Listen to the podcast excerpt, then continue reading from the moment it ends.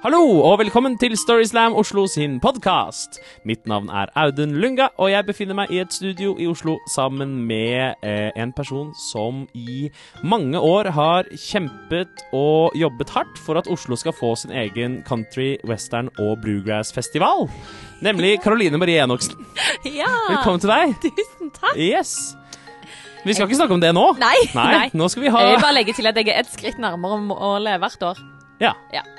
Så sånn er Så det. om 24 år kan dere komme på country, western og bluegrass-festivalen til Karoline. Yes. på Stovner. yes, you can. Oh yes. Men det vi skal snakke om i denne episoden Må bare perfeksjonere dialekta først. Ja. Det det skal handle om i denne episoden her, Audun, Ja. er jo ikke country og western, men Nei. det er noen fortellinger Mhm. som ble fortalt på Kulturhuset i Oslo den 28. mai eh, 2018.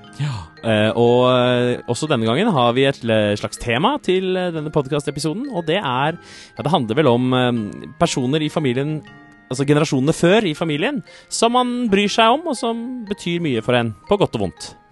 Første forteller heter Tine Skjold.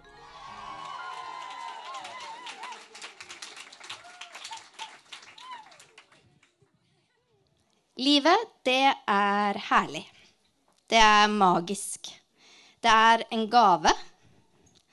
Da jeg var liten, så hang jeg mye med mormoren min. Flere ganger i uka så syklet jeg til henne og bestefar, og jeg bare hang. Jeg var der hele tiden. Og jeg var der helt til jeg måtte gå hjem og legge meg. Og der kunne jeg slappe av. Jeg kunne kose meg.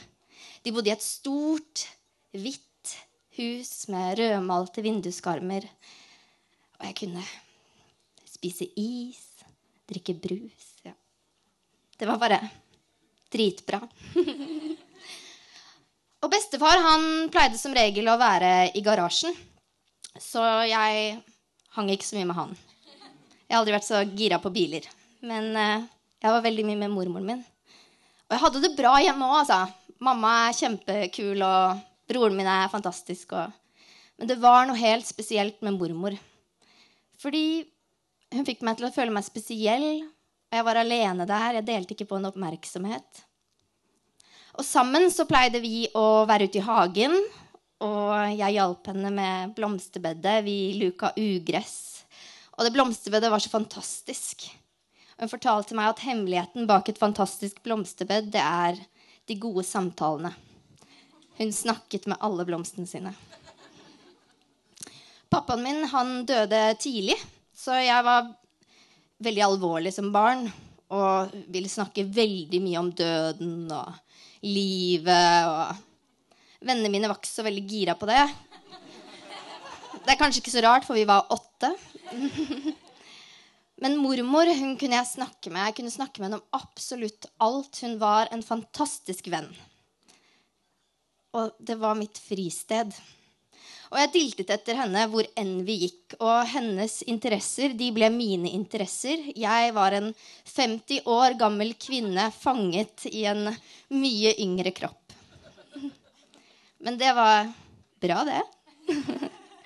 Som tolvåring kunne jeg bake de mest fantastiske kaker.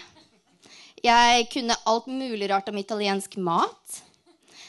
Og jeg kunne veldig mye rart om fuglearter. For min mormor hun elsket fugler, og hun elsket Italia. Og når hun ble pensjonist, da skulle hun virkelig leve livet. Hun skulle reise til Italia på kjærlighetstur med bestefar. Og de skulle bruke lange morgener på bare å sitte og titte på fuglene. De skulle leve livet. Da min mormor var 60 år, to år før hun skulle førtidspensjonere seg, var jeg 18 år. Og hun fikk diagnosen Alzheimer. Så den pensjonisttilværelsen som hun så for seg, den kom ikke til å bli sånn. Ikke i det hele tatt. De første tegnene på at ikke alt var som det skulle, det var at hun glemte avtaler. Hun kom ikke på besøk dit hun skulle. Hun brukte kjempelang tid på å kjøre veldig korte strekninger, selv om hun hadde kjørt strekningen utallige mange ganger. Hun visste ikke veien hjem mer. Og da vi endelig hadde fått overtalt henne til å gå til legen, så ble ting veldig mye verre. Fordi hun var ikke syk. Hun fornektet alt. Altså Vi gikk rundt i fem år og latet som at hun var frisk, mens hun bare ble sykere og sykere. Og hun mestret veldig kjapt nesten ingenting. Hun sluttet å mestre helt sånn dagligdagse ting som å knytte sko, ta oppvasken, sette på komfyren. Hun visste ikke hvordan den fungerte. Hun stelte aldri ut i hagen lenger, og de blomstene hun hadde inne, de døde, for hun vannet jo veldig ofte. Så til slutt så var det ikke noen levende blomster igjen der inne. Og det var vanskelig å hjelpe henne. For hun ville jo ikke ha noe hjelp. Hun var ikke syk. Og det var vanskelig. Og det var vanskelig for henne, og i et ikke-fornektende øyeblikk så sa hun Tine, det er de det er å ikke klare å gjøre de enkleste tingene lenger som er det vanskeligste. Men så var hun i fornektelse igjen, og da, da var det ingenting vi kunne gjøre sammen lenger. Vi kunne ikke lenger luke ugress i det blomsterbedet fordi hun ikke klarte å bruke kjøkkensaksa. Og hun, hun så ikke forskjell på ugress og blomster. Og vi lagde ikke noe mat. Hun visste ikke hvordan hun skulle gjøre det. Og til slutt så kunne hun ikke bo hjemme lenger. For det huset som var vårt fristed, det var ikke det. Det var hennes verste mareritt. Det var altfor stort. Så hun havnet på sykehjem. Og hennes første møte med det sykehjemmet, det var katastrofe. Hun hatet det. Og hun hatet oss for å ha plassert henne der. Hun var så sint og aggressiv, og hun kunne kaste ting. Og hun sov ikke, og hun snakket ikke til oss når vi var der. Hun ville hjem. Men etter hvert så forsvinner jo også den følelsen av hvor hjem er. Er hjem hjemme hos bestefar, eller er hjem hjemme hos mammaen hennes, min oldemor, som døde for mange, mange år siden. I dag så befinner hun seg i femte etasje på lukket avdeling. Og hun kan ikke gå lenger. Hun har nesten ikke språk. Men bevisstheten om sykdommen den er ikke lenger der. Så hun er ikke så lenger så sint. Og hun skravler. Hun skravler mer enn noen gang før. Og forrige uke da jeg var og besøkte henne, så tok vi turen ned i Sandshagen og snakket med alle blomstene. Og da fortalte hun meg en vits. Og jeg vet det fordi at jeg hører det på tonefallet. Det er sånn. Og så lo hun. Og jeg lo fordi hun lo, og vi lo sammen, og det var fint. Hun har det fint. Hun har det så fint hun kan ha det nå. Og vi, vi lever livet. For er det én ting vi har lært, så er det at livet, det venter ikke. Så mamma hun har vært i Sør-Afrika på safari, hun har vært i Bali, hun er i Frankrike hele tiden, og nå skal hun til Skagen på jentetur for fjerde året på rad. I sommer skal hun kjøre Route 66 i Amerika. Og bestefar han har kjøpt seg et paradis av en campingplass. Han drikker rødvin hver dag. Og jeg, jeg er frilanser. Jeg gjør hva jeg vil. Jeg har fått meg Tinder. Herregud. Jeg nyter livet. Og nå er det mange kanskje som tenker sånn, og der står det en sånn Karpe Diem-dame. Vet du hva? Ja, jeg er hun Karpe Diem-dama. Og jeg lever livet nå, for livet mitt, det er herlig. Det er en drøm, det er en gave. Så kjære alle sammen, Karpe Diem.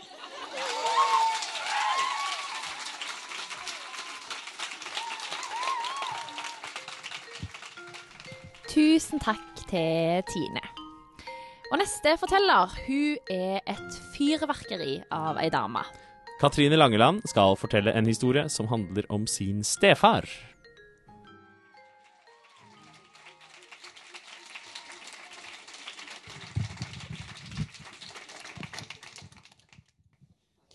Da jeg var åtte år, i 1979, da skilte moren og faren min seg. Uheldigvis. Men heldigvis så fikk jeg verdens beste stefar. Ragnar. Robert Redford. Olabukser, skjegg. Prinsen i kjeften, 60 røyk om dagen. Utrolig morsom. Han kunne alt. Og så var han så snill. Og han kunne få deg til å le og le og le og le. og le, Så bare egentlig bare sette seg ned og tisse med en gang du så han omtrent. For så morsom var han. Men han kunne også håndverk. Han kunne snekre en folkvogn, han kunne bake kjøttkaker. Han kunne alt mulig, og så var han snill og hadde myke hender, og han kunne lese veldig gode nattahistorier. Historien om den grønne votten, Alf Prøysen f.eks. Hver eneste kveld når vi var hos mamma. Um, så, på kjøpet med denne flotte stefaren, så fikk jeg altså fire søsken. Og de var veldig mye større enn oss. Og jeg var liksom så så opp til dem. De var så kule. Og jeg fikk en bror, og han var homo.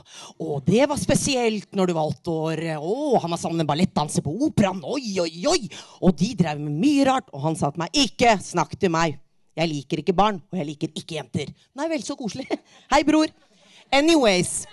Tida går. Eh, Vi er på 80-tallet, og jeg er veldig heldig som har fått lov til å være med på 80-tallet, være fjortis på 80-tallet. For det var utrolig mye fine farger og mye fin eh, rosa og blå øyenskygge. Og det er jeg fortsatt med. Så det er nydelig. Så var det en dag at jeg skulle ha kvalitetstid med min fantastiske Ragnar. Han og jeg, bare vi to. Ikke alle de andre syv søsknene eller resten av den veldig rotete og store familien vår. Bare han og jeg. Så vi skulle dra på Sankthanshaugen. Jeg var sånn ca. 16. Før i gamle der, på 80-tallet, så var det ikke så farlig hvor gammel du var når du var ute og drakk, sa folk.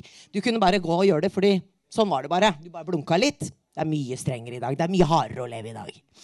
Så uansett, på veien opp da, så måtte vi gå innom broren min. For vi tenkte nei, vi tar med han, og vi kan ikke være så kjedelige. Så går vi opp trappene opp til Møllergata 47. Opp, opp, opp, opp, kommer helt på toppen. Og da er det så varmt ute den dagen. Sola skinner omtrent sånn som den gjorde i går. Og vi kommer inn, får deilig glass med iskaldt vann, setter oss ned. Vi jekker en øl, og så må vi vente fordi broren min har hatt sex hele natta med en veldig deilig mann. Så han må dusje. Leiligheten er veldig liten. Vi sitter i stua, later som vi ikke ser badet. Og han roper fra badet, som er der cirka, at uh, 'ikke rør de kakene som står på bordet'. Ok. Jeg er ikke noe kakejente, jeg er en kjøttjente. Jeg syns kaker er unødvendig. Men eh, stefaren min han hadde kakenekt, så han var jo rett på fatet.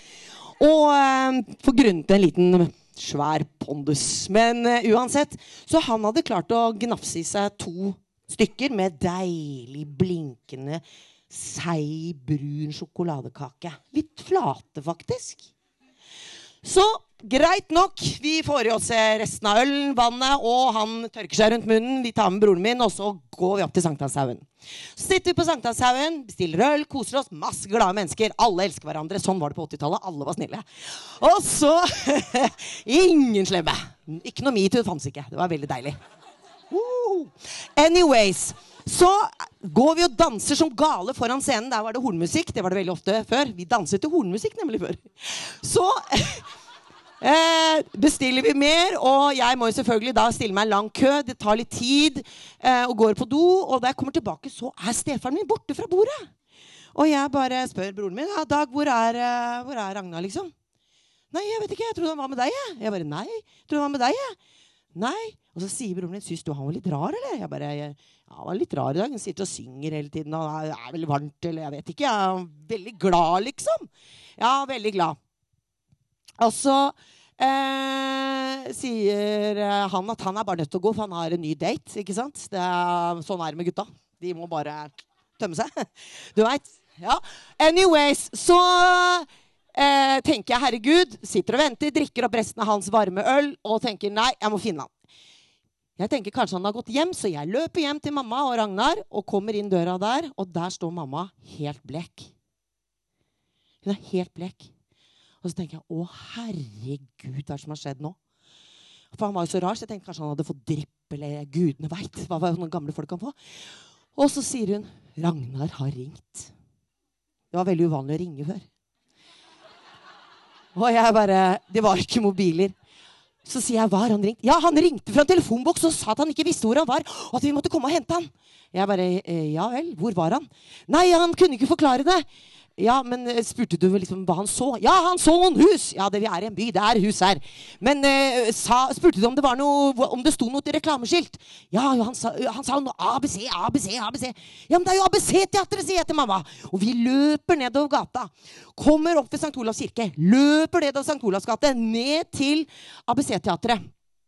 Og plutselig, foran oss, får vi se en hel gjeng med folk, omtrent like mange som dere, som står rundt da dette rød, røde eh, telefonhuset, som var faktisk telefonbokser i gamle der.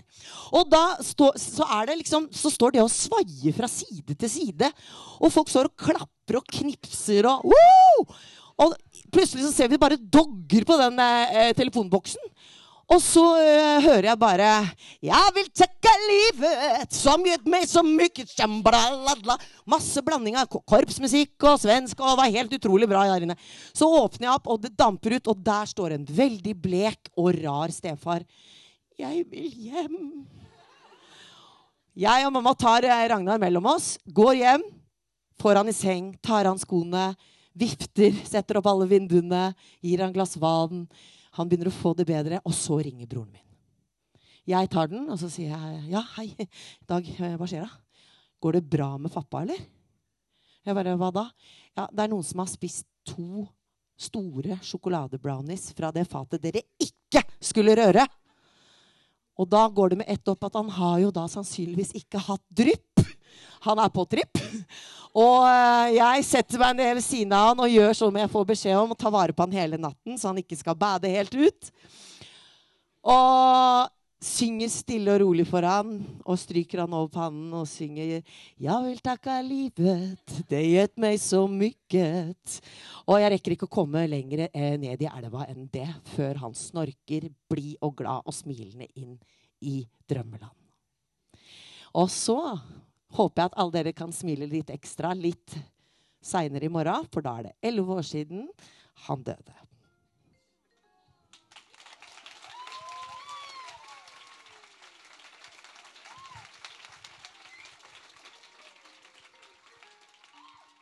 Tusen takk til Katrine. Vi i Storyslam Oslo vi har fortsatt sommerferie. Vi podkast-sommerferie, hvor vi kommer til å slippe podkaster eh, gjennom hele sommeren. Å ja. Og men til høsten så er vi tilbake med liveshow. Både her i Oslo og andre steder i landet. Ja. Og da trenger vi jo fortellere, Masse fortellere. ikke sant? Så hvis du sitter og tenker åh, jeg har en fortelling som hadde gjort seg på Storyslam, Eller åh, jeg kjenner noen som har en fortelling som hadde gjort seg på Storyslam. ikke minst, så må du jo oppfordre de til å ta kontakt med oss. Ja. Det kan du gjøre enten på vår Facebook-side, Storyslam Oslo, eller du kan sende oss en e-post på post at storyslamoslo.no. Og så må du selvfølgelig følge denne podkasten hvis du vil, og gi oss gjerne en stjerne eller fem eller ti. Jeg vet ikke hvordan Er, er det iTunes? Ikke ti. Hvor mange stjerner Det gir er helt over kanten. Å ja, vi fortjener ikke ti stjerner. Nei, det fins ikke. Å, jeg vet ikke, jeg bruker jo Jeg, jeg er en flittig bruker av iTunes uh, podkast-appen, Ja. men, eh, men uh, Jeg tror du kan gi fem. ja. Ja, Det, altså, hvis du føler for det. Ja, Åpenbart. Et sted mellom én og fem. Riktig. Takk for nå! God sommer.